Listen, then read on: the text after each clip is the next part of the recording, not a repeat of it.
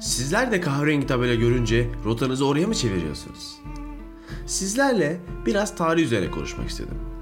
Bundan sonra belirli aralıklarla bir tutam uygarlık tarihi, bir tutam mimarlık tarihi ekleyeceğim zihinlerinize. O zaman hadi bizlere katılın, antik kentlerin havasını yanı başınıza getirelim. Anlatacağım birçok antik kent ya verimli ovalara ya da savunulması kolay dağ eteklerine kurulduğunu göreceksiniz. Bir Aydınlı olarak ilk podcastimde Tralles antik kentinden bahsetmek istiyorum. Kuzeyinde Aydın Dağları, güneyinde Aydın Ovası, bir yanında Küçük Menderes Nehri, bir yanında Büyük Menderes Nehri. Verimli ovaları ile kurulduğu dönemden beri halkını refah içinde yaşatan bu altın toprakların öyküsünü anlatacağım. Tralles kenti Yunan Argosları ile Trakyalı Trallesliler tarafından kuruldu. Tahmini kuruluş yılı da M.Ö. 13. yüzyıl civarları. Kurulduğu ilk zamanlar yörenin en büyük şehirlerinden biriydi ve moda bir tabirle adeta bir cazibe merkeziydi. Antik çağlardaki ulaşım yetersizlikleri yüzünden bu ovada yer alan şehir birçok ticaret yolunun yakınında da yer alıyordu haliyle.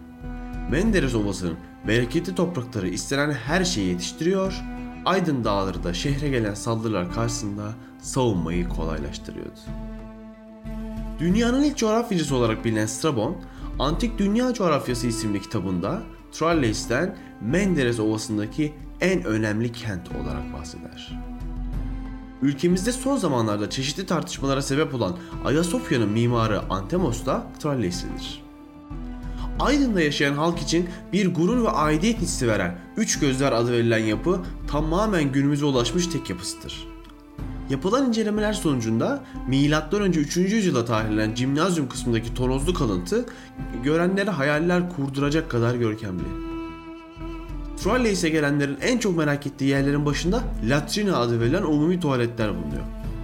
Yan yana dizilen oturma düzeninin içinden akan temiz su kanalı ve yapılan tesisatı o dönemde görülmemiş kadar ileri bir teknoloji olduğunu gösteriyor.